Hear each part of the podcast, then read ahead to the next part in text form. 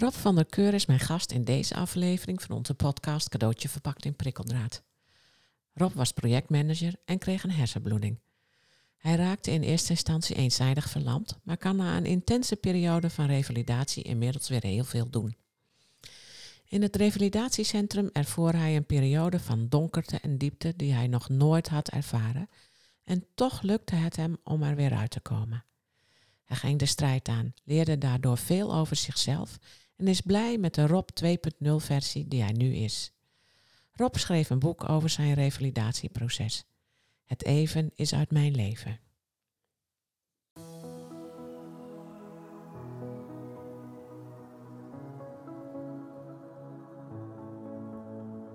Dit is de podcast Cadeautje verpakt in prikkeldraad met Greet Vonk. Moeilijke tijden zijn ook cadeautjes, hoe lastig ze ook zijn. Helaas zitten ze wel verpakt in prikkeldraad. In deze podcast willen we je inspireren en kennis aanreiken, waardoor je een andere kijk krijgt op de ellende van jezelf of van iemand anders. Met als uiteindelijk doel om een completere versie van jouzelf te worden en of om dat proces bij de ander te ondersteunen.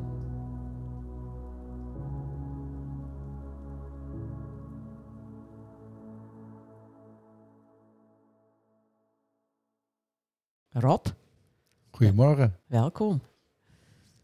Op eh, 29 september 2021, s'avonds om half tien, je wilt televisie kijken samen met je vrouw. En dan eh, doet je hand opeens niet meer wat jij bedacht had. Ja, hele bizarre ervaring. En vanaf dat moment is alles anders in je leven. Totaal. Ja, dat kun je je niet voorstellen. Gelukkig, denk ik dan. Nee, ik hoop ook niet dat ik me dat ooit hoef voor te stellen. Precies. ja, maar kun je ons een beetje meenemen in wat daar gebeurde? Ja, de context is dat wij eh, begin 2021 ons huis in Beckham verkocht hebben. En dat is een dorpje onder de rook van Hengelo. En we zouden een nieuw huis gaan kopen. Dat is ons gelukt een aantal maanden later in Borne. En we zijn vrij snel verhuisd en in de verbouwing terechtgekomen. Dat was een hele hectische zomer. Hard gewerkt. En de dagen rondom het verbouwen verliepen altijd wel eh, op dezelfde manier. In die zin dat wij eh, de bovenverdieping als eerste hadden klaar willen hebben. En onze slaapkamer een beetje de huiskamer is geworden. En aan het eind van de dag was het, eh, nou, opfrissen, douchen, hapje eten. En dan eh, op tijd de rugleuning naar boven, televisie aan, bakje koffie. En dat was dan het bijkommomentje. En op een gegeven moment zeg ik tegen mijn vrouw, mijn hand doet het niet. Omdat ik, ik denk dat ik wilde pakken van de afstand bedienen of dergelijks. En ik kijk naar mijn hand en hij doet niet. Terwijl ik dacht, hij hoort te knijpen, hij hoort te bewegen. En mijn vrouw kijkt mij aan. ehm, en achteraf zegt ze, zag ik al direct dat je mondhoek hing. En dat het volledig fout was. Maar dat had ik helemaal niet door. Ik was gewoon alleen maar verbaasd. En eigenlijk kwam ik in een soort, ja, een soort roes. Ik ben niet geschrokken. Maar vanaf dat moment was de wereld in één keer anders. Ik heb het helemaal over me heen laten gaan. En ik miste alle vormen van emotie. Ja, dat schrijf je, hè? want je hebt er een boek over geschreven over Ja. jouw proces. Het even is uit mijn leven. Ja. Met als ondertitel de eerste periode na mijn hersenbloeding en hoe ik weer grip kreeg op mijn leven. Nou, dat boek heb ik natuurlijk ook eh, gespeld. en dat vond ik wel heel interessant. Ja, en ook bijzonder. Ik dacht, goh, want jij zag en hoorde alles. Hè? Je kreeg alles mee, maar je Ja. had totaal geen enkele emotie erbij. Nee, dat realiseer je niet op dat moment. Maar achteraf, als je gaat herinneren van wat is me overkomen, hoe is het allemaal gegaan, en je bespreekt dat met je vrouw, je kinderen, je vrienden, dan vallen er steeds meer puzzelstukjes op hun plek. En dan denk je bij jezelf, wat een raar moment was dat. Want normaal zou je zeggen, als je het idee hebt dat je wat overkomt, dan schrik je, of je bent verdrietig, of je bent boos. Of, nou, in ieder geval, er komt een emotie. En het is wel lachwekkend dat ik op dat moment het heb ervaren als het gebeurt, maar alsof het me niet raakte. En toen mijn vrouw zei, Rob, eh, dit is niet goed, ik ga even bellen, ga liggen, dus eh, rugleuning naar beneden. Toen dacht ik, oké, nou, ga ik liggen, als jij denkt dat het goed is. Ook niet de vraag waarom, gewoon volledig in een volgstand heel snel kwamen de ambulance medewerkers die zich ook realiseerden van, uh, goh, nou ja, daar lig je dan en eens even onderzoeken hoe en wat. Ik heb het ook laten gebeuren, ook niet van wat moeten die mensen hier en ook geen schrik-effect. Maar goed, het hele traject heeft zich uh, afgespeeld en ik heb het laten gebeuren. En heb je later ook begrepen waarom dat zo ging? Nee, en dat heb ik nog steeds. Dat ik denk, ik vermoed dat het een veiligheidsmechanisme in je lijf is of in je hoofd, die in een soort overlevingsstand gaat. En bij vluchten of vechten uh, kan je iets voorstellen, maar de passieve stand waarin ik terecht kwam, die heb ik heel bewust ervaren. En ik kan alleen maar bedenken, dat zal wel een reden hebben gehad om mij rustig te houden of zo. Ehm, maar meer dan dat uh, niet. Nou, later in het ziekenhuis werd het wel anders, hè? Ja, dan gaan dingen uh, langzaamaan weer tot leven komen, zeg maar. Uit die stilstand ga je heel langzaamaan weer wat uh, bewegen. Is dan wat minder, maar wel hardop denken. En dan komen ook je emoties. En dan komt er een schrik en verdriet en boosheid. En... Maar dat borrelt vanzelf omhoog, hoor. Daar hoef je weinig voor te doen. Nee, je schrijft daarover. Mijn rol en plek in deze wereld zijn per direct vakant en staan in de etalage. Ik doe niet meer mee. De steeds donker wordende wereld maakte me angstig. Zo intens heb ik dat nooit ervaren. Nee, zo diep als ik toen heb gezeten, dat kan ik me niet herinneren dat ik dat ooit eerder heb ervaren. Gelukkig. En hoop ik ook nooit vaker te gaan ervaren. Het is echt een gat waar je in valt. Maar waar ik achteraf ook van denk, daar ben ik toch ook weer uitgekomen. Dus blijkbaar kun je nog zo diep vallen, maar zijn er altijd nog weer ergens houvastjes en mogelijkheden om te verbeteren. En dat stemt mij wel heel positief weer. Dat is ook wel enigszins geruststellend voor mensen die in dezelfde situatie terechtkomen. Nou, dat je er weer uit kunt komen. Ja, ik denk dat dat altijd kan, maar ik prijs me gelukkig dat ik op een bepaalde manier in elkaar zit, blijkbaar. En ik realiseer me ook dat dat niet voor iedereen hetzelfde is. En als je iets meer moeite hebt om de positieve kant te zien, om het glas half vol te ervaren, om kansen te gaan creëren of te herkennen, dan denk ik dat sommige mensen het wel heel, heel zwaar kunnen hebben. En veel zwaarder dan dat ik het heb ervaren, omdat ik het eigenlijk mijn hele proces heb gezien als een soort competitie. En ja, dat past mij heel erg goed. Dus ik, ik heb voor een deel ook het gevoel dat ik wel mazzel heb gehad met hoe ik in elkaar steek. niet, met, niet met mijn hersenbloeding hoor, maar... Nee, dat gun je niemand hè? Nee, absoluut niet. Um, wat ik wel heel mooi vond is, in het boek werk jij ook veel met muziek hè? Ja. De muziek die je veel aan uh, gehad hebt. Je hebt er zelfs op Spotify een lijst uh, van ja. gemaakt. Die heet Het Even is uit mijn leven. Ja, tuurlijk. ik heb hem, ik heb hem uh, gedownload. Mooi. maar en even aanhakend op wat jij net zei, van ja, ik prijs mij wel gelukkig met hoe ik in het leven zit. Ergens dan staat er een stuk tekst in jouw boek. De tekst van een lied van Sting en uh, Eric ja. Clapton, It's Probably Me. En het eindigt met dat eigenlijk waar het op neerkomt, van je moet het eigenlijk zelf doen. Altijd. En dat is wel de essentie van dat hele nummer. Waarvan ik, als ik het luister, ook elke keer weer denk van hoe slecht het ook gaat, hoe moeilijk je het ook hebt. Je kunt heel veel aan je omgeving hebben, maar je moet het zelf doen. Ja, je moet het zelf doen, maar je hoeft het niet alleen te doen. Dat is het, ja, absoluut. Ja, ja. En jij hebt je dat op een gegeven moment heel goed gerealiseerd. Hoe ging dat? Hoe was dat? Um, ik denk dat het een beetje bij mij hoort. En dat dat niet een nieuwe ontdekking is geweest, maar dat ik altijd wel een mate van initiatief nemen in mij heb. En dat ik ook dat wel graag naar vernieuwing, verbetering wil. Dat ik altijd wel, uh, ik wil beweging. Um, dat heeft in mijn hele leven een rol gespeeld. En dat heeft mij nu heel erg geholpen uh, in mijn revalidatie. Dus ik ben eigenlijk vanuit een soort ja, vanzelfsprekendheid bij mezelf te raden gegaan, hoe nu verder. En ik heb me ook gerealiseerd dat eigenlijk mijn hele leven ik mezelf en mijn omgeving constant vragen stel. En dat is een hele belangrijke essentie in in mijn leven in ieder geval, en ik denk dat het voor anderen zou kunnen helpen door jezelf te blijven afvragen wat, waarom. En die vraag waarom ook een aantal keren te stellen. En elke keer jezelf te dwingen om antwoord te geven. Ben ik niet tevreden? Waarom ben ik niet tevreden? Maar waarom ben ik dan niet tevreden om die reden? En heb ik daar invloed op? En elke keer zoeken naar wat kan ik doen om de situatie te verbeteren. Dat zit een beetje in mij, dat zit in mijn werk en dat heeft me hier heel erg geholpen. Ja, daar schrijf jij een stukje over en misschien wil je dat eens voorlezen. Het is een soort sport. Ik wil de competitie aangaan en proberen mijn grenzen te verleggen. Als ik toegeef aan mijn beperkingen, blijf ik stilstaan.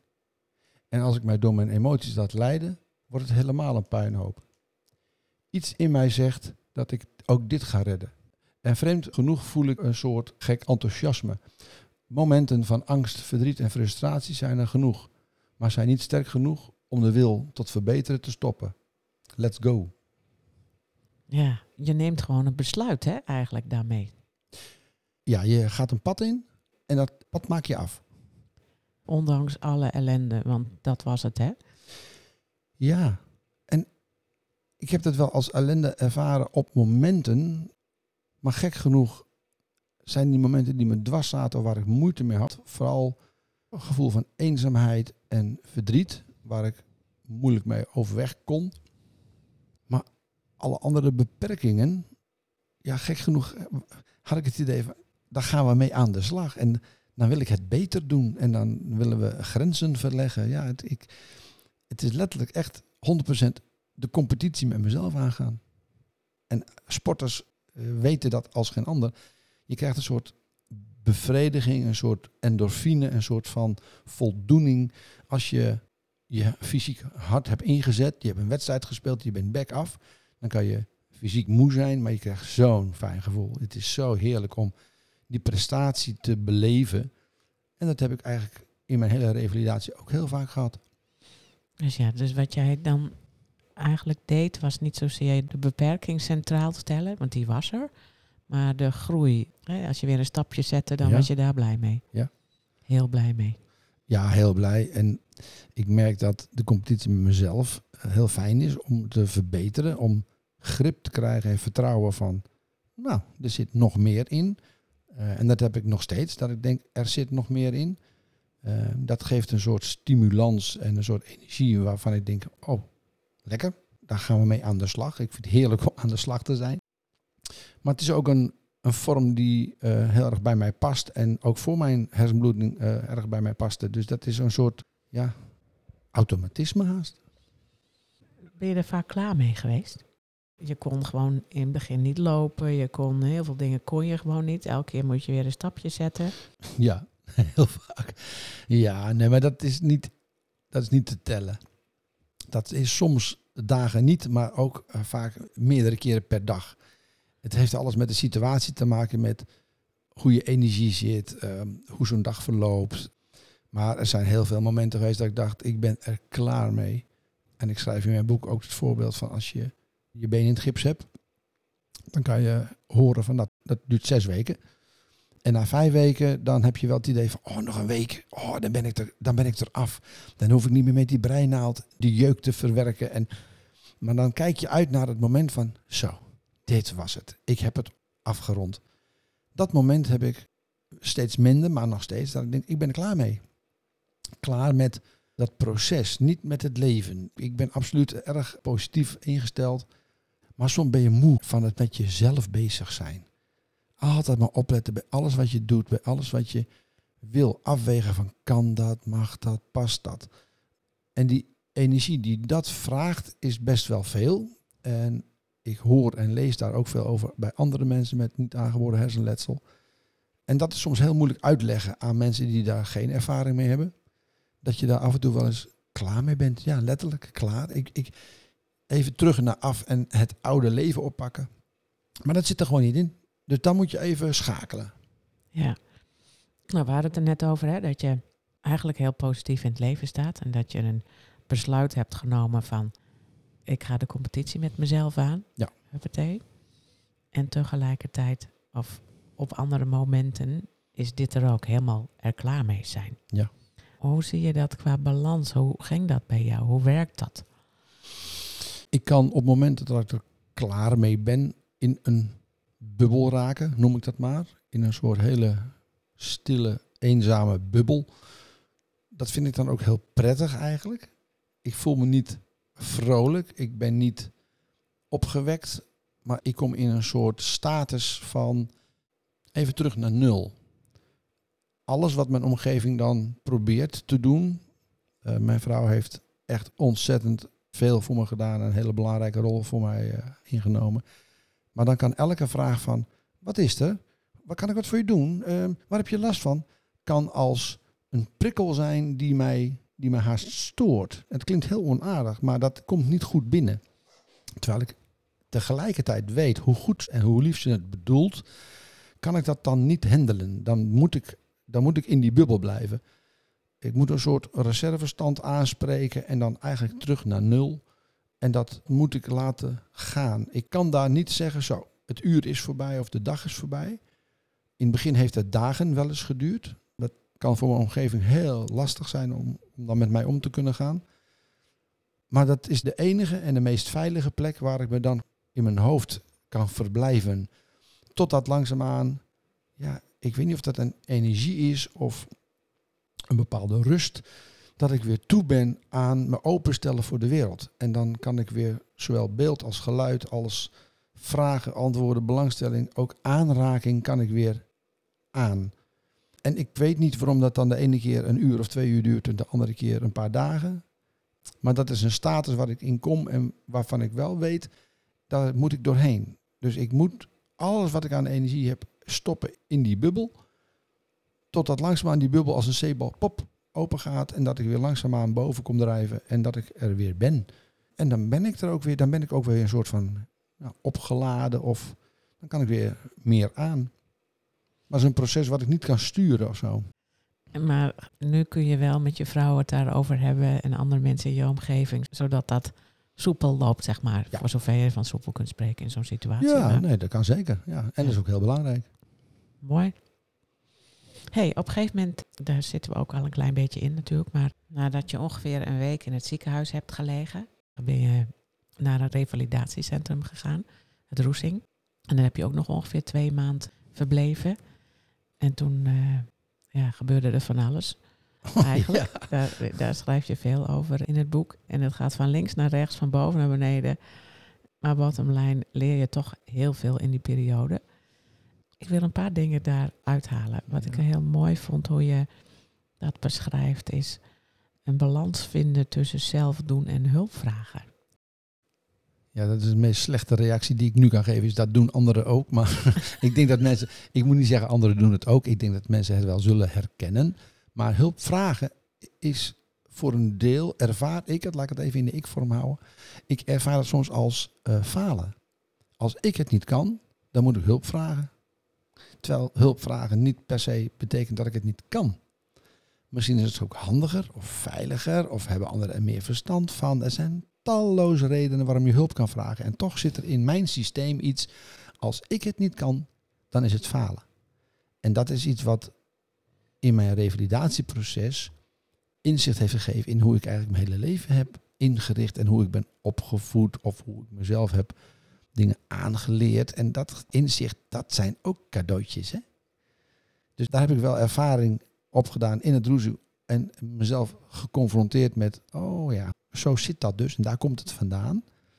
En wat ik in het voorgesprek zei, als ik dingen snap, als bij mij het kwartje valt, dan beklijft het en dan is het ook een soort intrinsieke overtuiging dat ik denk, ja, dit kan ik ook naleven of uitvoeren of toepassen.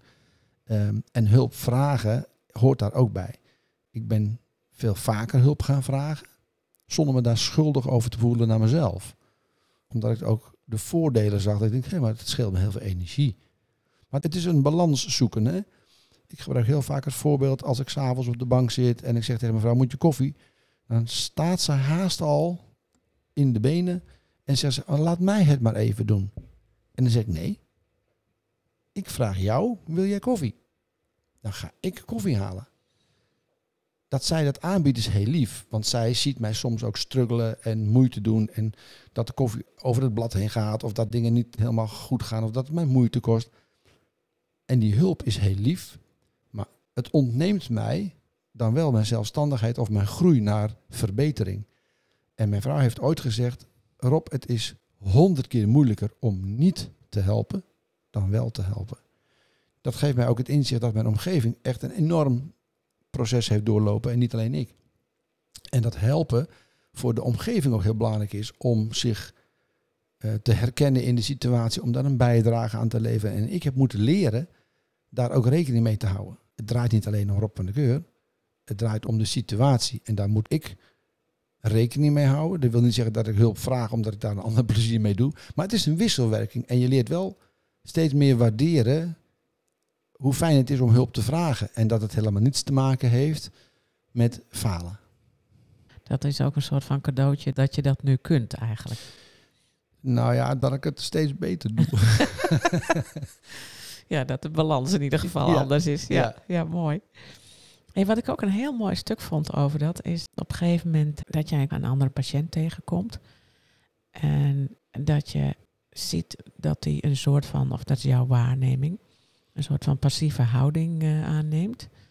En dat jij dan heel duidelijk bedenkt van nou dat wil ik absoluut niet. Ja, dat is een situatie die ik ook beschrijf en die eigenlijk heel veel, of zo niet alles over mij zegt en niet over die persoon. Ik beschrijf het alsof ik iets vind van die persoon en dat doe ik uiteraard, maar daarmee. Het is een constatering, geen oordeel. Geen oordeel. En het feit dat die persoon daar wat passiever in staat, kan talloze redenen hebben. En dat kan ik niet weten en dat kan ik ook zeker niet veroordelen of een oordeel over hebben. Maar het zegt wat over mijn drive om mij niet passief op te willen stellen. Dat past mij niet. Ik haal daar gek genoeg ook energie uit. Ik denk, wauw, maar dit niet. Dit kies ik niet. En dan is dat voor mij een extra motivatie om te denken, maar wat heb ik daar dan voor nodig? Als ik dat niet wil wat ik van die persoon zie, dan moet ik er niet over oordelen, maar ik moet daar voor mij een actie aan verbinden. En die actie verbinden aan die constatering en die waarneming, dat leidt tot stapjes in de richting die ik wil. En dat helpt mij tot het compleet maken van mijn plan, zeg maar. Ja, dus het heeft jou eigenlijk heel veel power gegeven. Ja, ik heb heel vaak gezegd dat twee maanden in het droesting liggen of aanwezig zijn mij heel veel heeft gebracht buiten de enorme deskundigheid die ik daar heb ervaren en de steun en heel veel geleerd over mezelf, heb ik ook heel veel mensen gezien die in een situatie zitten die mij ook helpen mijn eigen situatie te relativeren. Het klinkt heel simpel door te zeggen, het kan altijd erger, dus dat voor mij valt mee. Dat klinkt alsof ik mijn eigen situatie bagatelliseer en dat wil ik ook niet en dat, dat moet je ook niet doen. Maar het vergelijken kan jou helpen om je eigen situatie nog beter in beeld te krijgen. Wat bedoel je daar precies mee in beeld te krijgen? Nou, ik heb momenten dat ik mezelf heel zielig vind. Ja. ik denk, wat verdomme. En daar baal ik dan van. En om daar weer evenwicht in te krijgen, denk ik ook wel eens van ja. En wat staat er dan tegenover? Ik denk dat het beste wat ik kan uitleggen is, ik probeer al mijn minnetjes en al mijn plusjes regelmatig op te tellen. En uiteindelijk onderaan de streep eindig ik bijna altijd in de plus. En eigenlijk is dat een moment dat ik denk, oké, dan is het goed. En niet een minnetje eruit pikken waar je je aan stoort of die je in de weg zit. Dat mag. En daar kun je ook aan storen op dat moment. En je kan er verdrietig over zijn. Maar even de boel optellen. Even weer onderaan de streep kijken. Maar waar sta ik dan? Over het algemeen. En als dat dan toch in de plus komt, dan denk ik, kijk, en dat is een mate van relativeren die mij in ieder geval heel erg helpt en steunt. En wat ik heel graag uh, zou willen voorkomen is dat ik in een soort slachtofferrol kom. En dat is iets wat mij niet past en dat wil ik ook niet. Ja, terwijl je soms toch ook wel eigenlijk even zielig wil zijn. Ja, maar ik ben geen slachtoffer. Nee, dat is een groot verschil. Ik kan er last van hebben. Ik kan verdrietig zijn. Ik kan moeite hebben. Ik kan alle emoties hebben over een situatie. Maar dat het me overkomt, dat is een feit. Ik heb eigenlijk vanaf dag één in het roezing gezegd, als het me dan toch overkomt, nou laat ik zeggen, als het me dan toch overkomt, dan wil ik er beter uitkomen. en beter, niet dat ik harder kan lopen of dat ik me fysiek beter kan voelen, want ik heb ook mijn leeftijd tegen misschien, maar ehm, ik wil er als mens beter uitkomen. En ik denk dat ik daar goed op weg ben. En dat ik heel veel dingen heb geleerd waarvan ik denk, allemaal mooie momenten, mooie cadeautjes en inzichten, andere ambities die me zoveel hebben opgeleverd, dat ik daar heel blij van kan worden. Ja. Ja, daar gaan we straks nog uh, wat dieper op in. Maar dat is wel een kenmerk van, uh, en daarom kwam je hier ook, posttraumatische groei eigenlijk. Hè? Ja, absoluut. Ondanks dat je omstandigheden nog steeds niet zijn wat je zou willen, maak je er wel iets van. Um, jij was voordat je ehm, uitviel, voordat je je herseninfarct kreeg, was je projectmanager. Ja. En eigenlijk ben je dat nog steeds, hè? Ja. ja, ik vond het wel een mooie combi. Ja, maar dan van je eigen project. Zo schrijf je dat ook in je boek. Ja. Waarbij je altijd gewend was om heel veel snelheid erin te zetten. Ja. Maar dat lukte niet meer. Nee, het is een metafoor. Maar ik vond het ook weer opnieuw een handvat. Om te kijken, hoe ga ik hier nou mee om? En vrij snel had ik het idee van, ja, als je een verbetering wil doorvoeren binnen een bedrijf, dan heb je allerlei variabelen en allerlei aspecten en focusgebieden waar je rekening mee moet houden. Ehm, en in mijn verbetertraject dacht ik, ja, die heb ik eigenlijk ook wel. Eh, mentale verbeteringen, fysieke verbeteringen. En ik dacht bij mezelf, als ik dat nou eens op die manier ga benaderen, dan komt het ook weer een beetje bij mijn karakter. Uh, past dat wel? Ik ben wel van structuur en harkjes en nou ja, dingen schematisch en gedegen voorbereiden en goed uitvoeren. Um, en toen dacht ik, ja, ik ga mijzelf als uh, projectonderwerp inzetten. En op die manier ook dagelijks mezelf evalueren. Hoe gaat het eigenlijk? En oké, als iets niet goed gaat, wat kan ik dan doen om dat te verbeteren? Dat moet ik dan met mezelf overleggen, zeg maar even. Hè. Daar moet ik eventjes over nadenken. Dan moet ik even laten bezinken soms. En dan op die manier proberen mijn proces te volgen en mezelf daarin te begeleiden. Dat is heel plat gezegd mijn aanpak geweest. En je wilde daar heel veel snelheid in. En een prachtig stukje daarin vond ik dat jij op een gegeven moment nou ja, er gedoe van maakte, want je wilde meer therapieën, zodat je sneller Oh, kon ja. gaan. En, en wat ik heel mooi vind, dan had je smiddags had je bedrust op je planning staan. En dan had je zoiets van, ja, maar dat wil ik niet. Nee, bedrust, dat is natuurlijk de term. En ook het beeld wat ik daarbij heb, is dat als je smiddags op bed gaat liggen, ja, dan beleef ik dat toch als lui. Stel dat er iemand binnenkomt, wat zal die wel niet van mij denken dat ik op bed lig? Ik moet meters maken, ik moet aan de bak. En al die uren die ik geen therapie had, vond ik zonde. Maar dat heeft allemaal met beeldvorming te maken en met de manier waarop ik naar mezelf of naar mijn eigen situatie kijk. Ik heb daar denk ik wel wat problemen veroorzaakt bij het roezing. In ieder geval de artsen die dan regelmatig kwamen vragen hoe het ging. Die hebben mij in allerlei staten gezien, van heel verdrietig tot aan boos, omdat ik elke keer ontevreden was over de matig gevulde roosters die ik aangeboden kreeg. Maar uiteindelijk kwam ik bij een van de therapeuten terecht die tegen mij zei, Rob, ik heb goed nieuws. Eh, jij wilde van je bedrust af en eh, het is uit je rooster. Dat voelde als een overwinning. Ik vond het geweldig. Ik denk, yes, dat gezeik en gezeur en gemopper, het heeft wat opgeleverd. Ik heb mijn zin. Dus nou, het is eruit. Vanaf nu af aan eh, hebben wij hersteltijd. En ik dacht, hersteltijd? Ik keek er aan en ze had wel een glimlach op de gezicht, want zij wist natuurlijk wel wat het effect was. Maar alles komt dus neer op beleving en beeldvorming. Hersteltijd gaf bij mij een heel andere impact. En zij legde ook uit, bedrust is niet lui of slapen of nou, niks doen. Maar een hersenbloeding vergt heel veel energie om te herstellen. En dat is niet een paar dagen, maar dat kan maanden, zo niet jaren duren. Of misschien zelfs altijd. Neem die tijd en herstel. En toen is er een kwartje gevallen. Toen dacht ik inderdaad, ik heb een gevecht geleverd. Niet met de artsen, niet met het rooster, maar vooral met mezelf.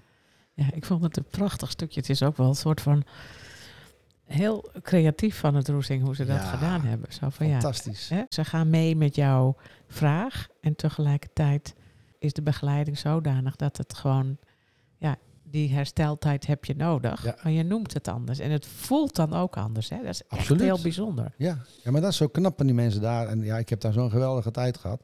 Het is eh, niet in woorden eigenlijk te bevatten. Die mensen die doen wonderlijke wonderlijke dingen. Ja, mooi. Laatste stukje waar ik daar nog wat over wil vragen over jouw periode in de Roesing, is dat er een collega kwam. En dat hij vroeg of ze jouw hand mocht vasthouden. ja. Vond ik ook een heel mooi stuk. Wil je daar iets over vertellen? Ja, ik heb een eh, goed contact met een van de collega's op het werk. En die kwam bij mij en die vroeg inderdaad, mag ik je hand vasthouden?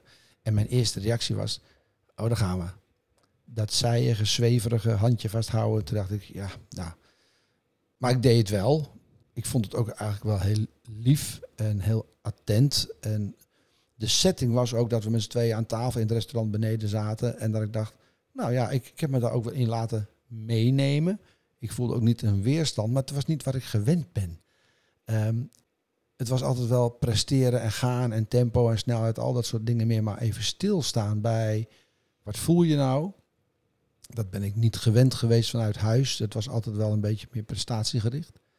Maar goed, we hebben daar wel een hele tijd gezeten en gepraat en constant handen vastgehouden.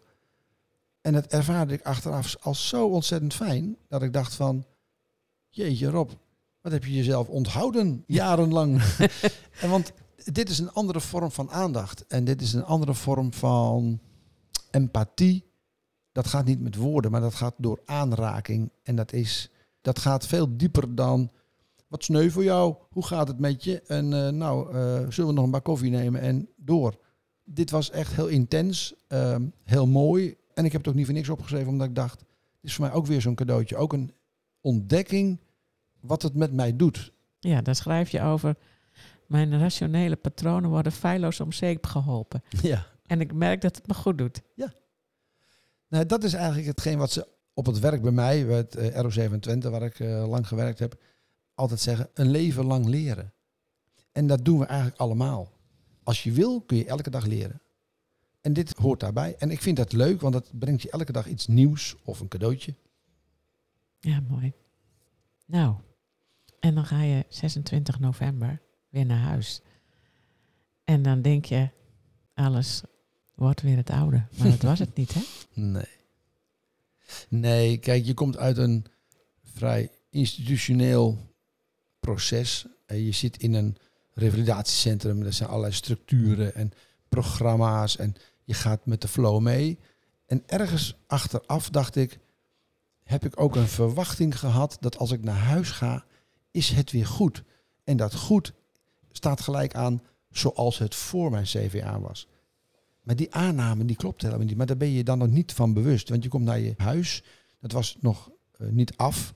De week voordat ik uitviel was net de keuken geplaatst. Dus er moest nog heel veel geklust worden. En dus ik kom eigenlijk fysiek terug in de oude situatie van voor mijn CVA. Maar ik ben niet meer dezelfde van voor mijn CVA. En dat verschil kwam ik toen heel erg tegen. En dat was even erg schrikken. Ja, schrikken en teleurstelling. Heel erg teleurstelling. Um, ik heb nogal wat ambities en ik heb allerlei wensen en ik wil van alles. En als het dan niet naar mijn zin gaat, dan moet ik dat ook wel een plek kunnen geven. En ja, dat had ik toen wel even nodig, die ruimte om daarmee te dealen. En je gebruikte ook elke teleurstelling om er weer iets van te leren. Hè? Dat vond ik wel echt indrukwekkend. Daar schrijf je over. Toch ben ik positief, omdat elke teleurstelling me iets oplevert. Ik ben op dat moment wel van slag of geïrriteerd, maar vraag me constant af wat ik dan anders of beter kan doen. Dat weet ik steeds beter. Het gaat alleen niet zo snel als ik zou willen. Ja, dat is denk ik een beetje mijn DNA. Dat is wat ik mijn leven lang heb gedaan. Alleen nu leer ik er beter mee omgaan. Uh, het is fijn als je ambitieus bent of als je wensen hebt. Of, maar alles heeft een keerzijde. En dat geldt voor de mooie kanten van je karakter. Als, als je initiatieven neemt of als je actief bent, dat is allemaal leuk. Maar overal wat te voor staat is niet goed. Maar de negatieve ervaringen, die hebben ook een keerzijde. En die keerzijde is dan weer positief. En daar kan je dus iets uithalen waarvan je zegt, als je iets niet goed hebt gedaan en je weet wat dat niet is, dan kan je het de volgende keer anders proberen te doen. En dat proces, dat vind ik gewoon leuk. Dat vind ik interessant. En het intrigeert mij en het houdt me bezig. En geeft mij dus ook de energie om dingen op te pakken. Maar hoe doe jij dat precies? Hè? Want dat vraagt ook veel. Hè? Tegelijkertijd je bent wel echt van slag en geïrriteerd.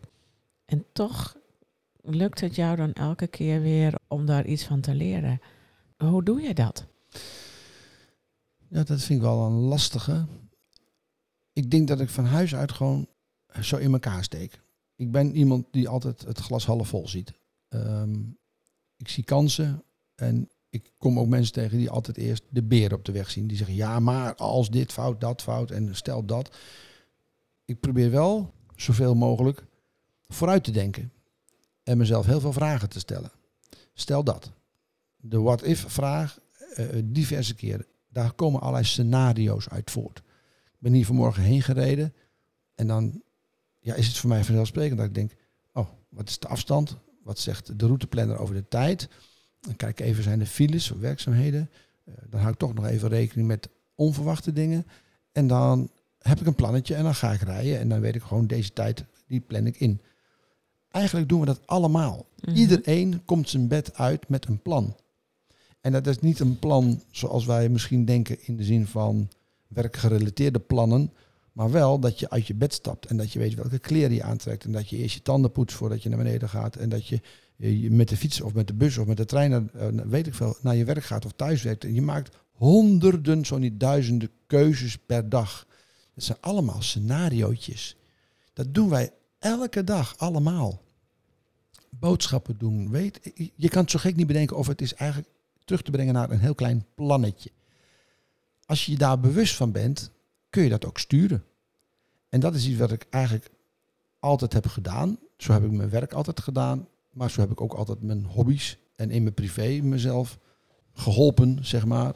Uh, door altijd plannetjes te hebben en dingen voor te bereiden en in scenario's te denken. En dat kan je heel veel structuur geven. En er zit een keerzijde aan dat als het dan alsnog fout gaat, dat je dan des te meer teleurgesteld bent. Omdat je zoveel moeite hebt gedaan om wel tien scenario's te bedenken. Maar die elfde was je eventjes eh, niet opgekomen.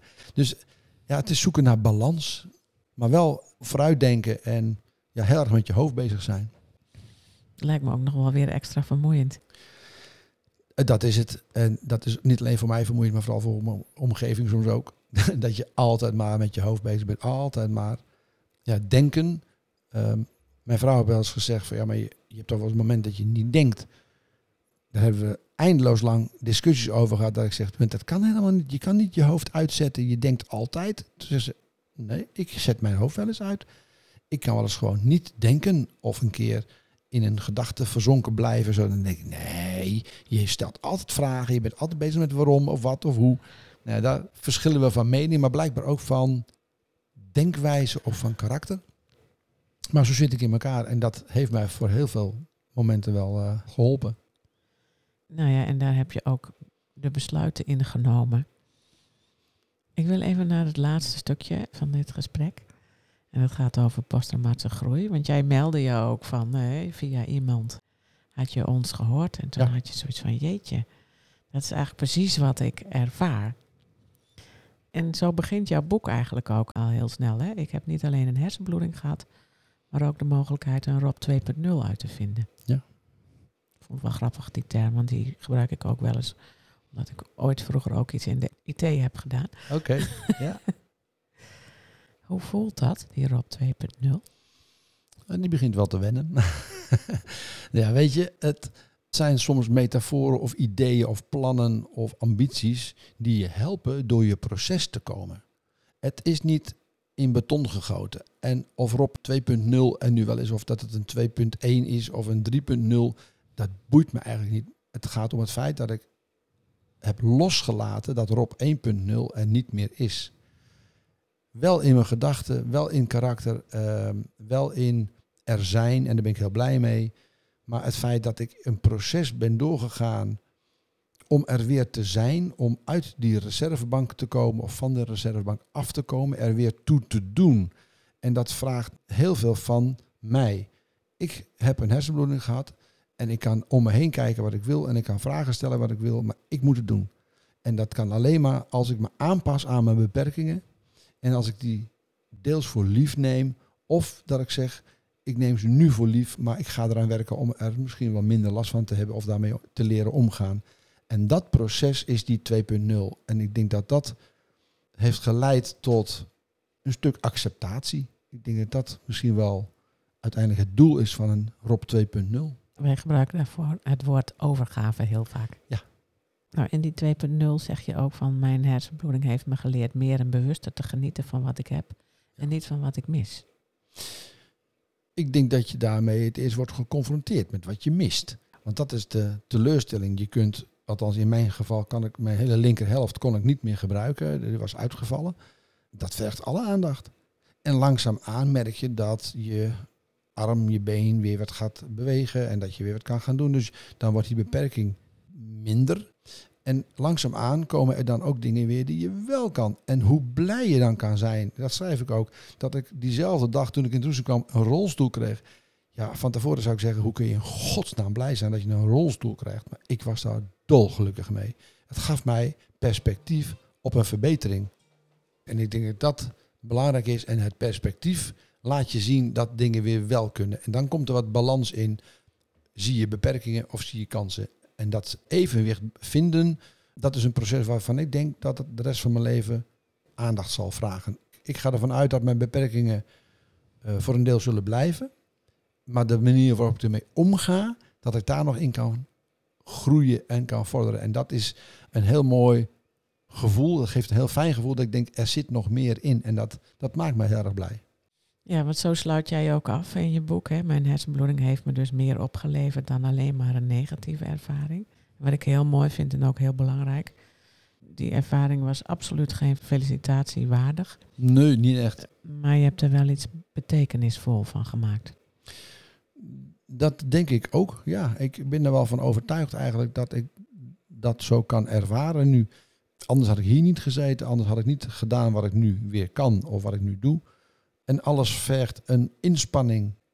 En die heb ik met heel veel plezier ook wel geleverd. Ik vond het een lastig traject en ik vond het een, een diep dal waar ik even in zat.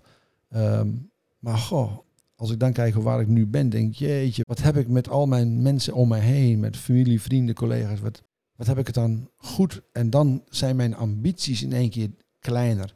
Die zitten dichterbij, dan kan ik weer aandachtiger kijken naar vandaag alleen. Terwijl vroeger was het altijd ver in de toekomst. De ambities lagen ver weg. Uh, je doelen waren groot.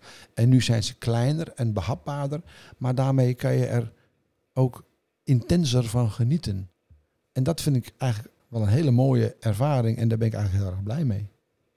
Nou, ik vind het heel mooi hoe je dit beschrijft. En ook hoe je dat in je boek beschrijft. Want soms hebben mensen een beeld bij posttraumatische groei dat het alleen maar positief is. En dat is het natuurlijk. Uh, hè, het negatieve, de ellende is ellende en die blijft het ook.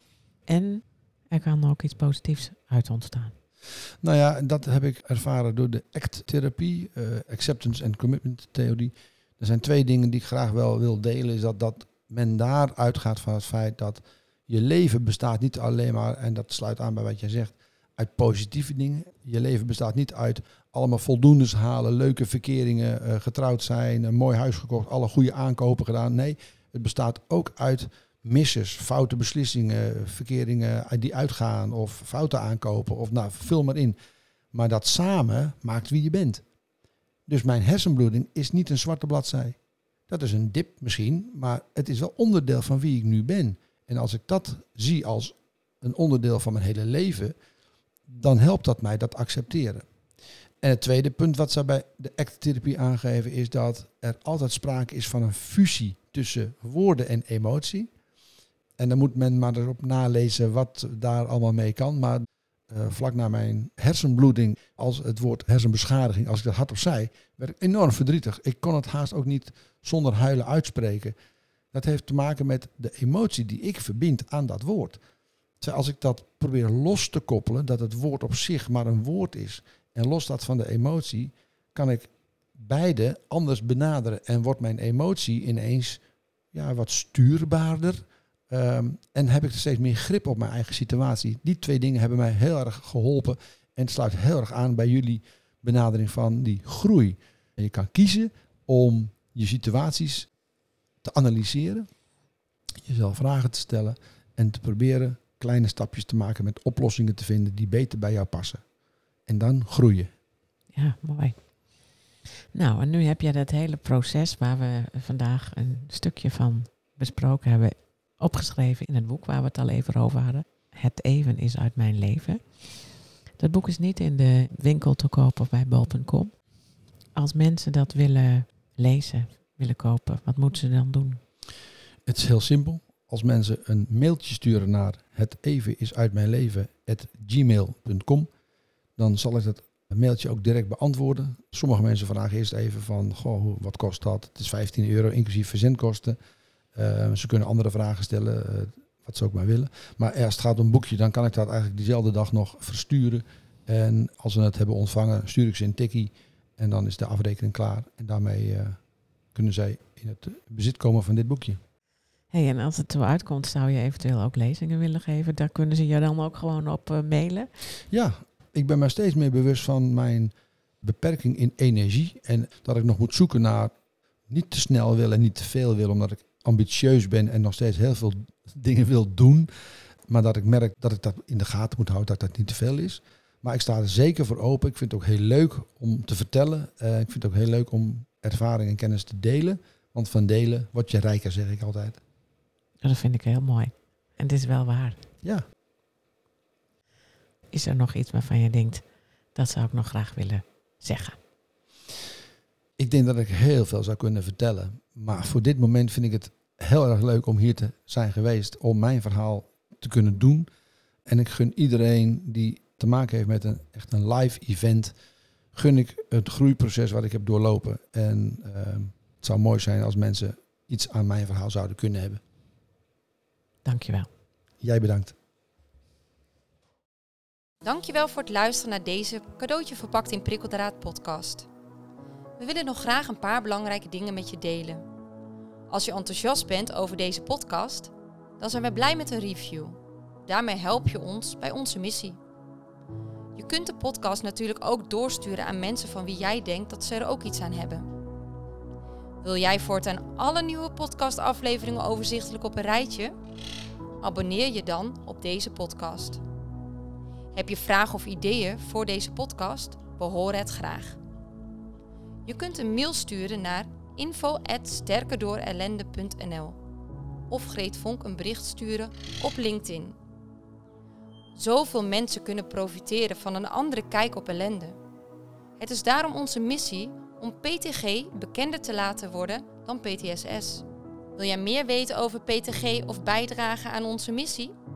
Je kunt op onze website www.sterkerdoorellende.nl onze boeken bekijken en eventueel kopen, de e-learning bekijken, een gratis inspiratiesessie volgen, de PTG-vragenlijst invullen, workshops en opleidingen boeken. We hopen dat deze podcast jou heeft geïnspireerd, zodat je in tijden van ellende in jouw leven of werk kiest voor het positieve en hoopvolle gedachtegoed van PTG. Voor jouzelf, je familielid, je vriend, vriendin, collega, klant, voor wie dan ook. Tot de volgende keer.